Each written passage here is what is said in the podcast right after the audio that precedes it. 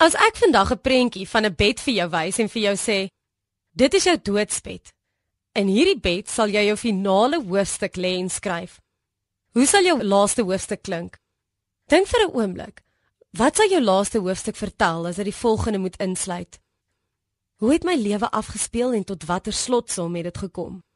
Waarvoor het ek gelewe? Wie sal my onthou? En wat sal hulle oor my sê as ek weg is? Andy Stanley, 'n bekende Amerikaanse prediker sê, "Everybody ends up somewhere, but few people end up somewhere on purpose." Sal die laaste hoofstuk dalk vertel hoe jy soos 'n George Bush 'n hele land gelei het om tussen die skerwe van 9/11 weer op te staan? Sal dit dalk soos Barack Obama se storie vertel van 'n droom wat waar geword het om die eerste swart Amerikaanse president te wees? Is jou laaste hoofstuk dalk so Steve Jobs in wat almal vir altyd sal onthou vir die wonderlike wêreld wat hy vir ons oopgemaak het met iPods en iPads en iPhones? Of neem jou laaste hoofstuk die vorm van 'n Oprah Winfrey of 'n Moeder Teresa aan wat onderdruktes bemagtig en armes voed? Al hierdie mense beskou ons as mense met mag. Maar daar is iets wat hulle almal in gemeen het en hoekom ons hulle beskou as die mense met mag. Hulle het 'n visie.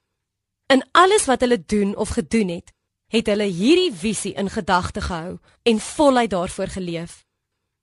In die King James version in Spreuke 29 vers 18 sê dit: Where there is no vision, the people perish. Die woord visie kom van die Hebreëse woord gazon. Waar daar 'n gevoel is dat ons met 'n spesifieke doel geskape is en waar daar 'n droom of 'n visie is, 'n gazon is, dan sal ons nie vergaan nie.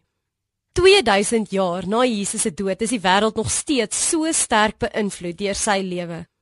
Hy het presies kristalhelder geweet wat God se visie vir sy lewe is. Hoor wat sê Jesus oor sy doel. Johannes 10 vers 10. Ek het gekom sodat hulle die lewe kan hê en dit in oorvloed. Hy weet presies wat is sy doel. Markus 2 vers 17. Ek het nie gekom om mense te roep wat op die regte pad is nie, Maar sonders, niks het sy aandag afgelei van sy missie nie. Hy het gefokus gekom.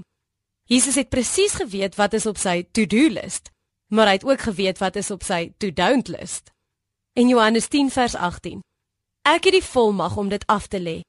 Dit is die opdrag wat ek van my Vader ontvang het. Jesus weet, God en God alleen gee vir hom sy opdrag, sy doel.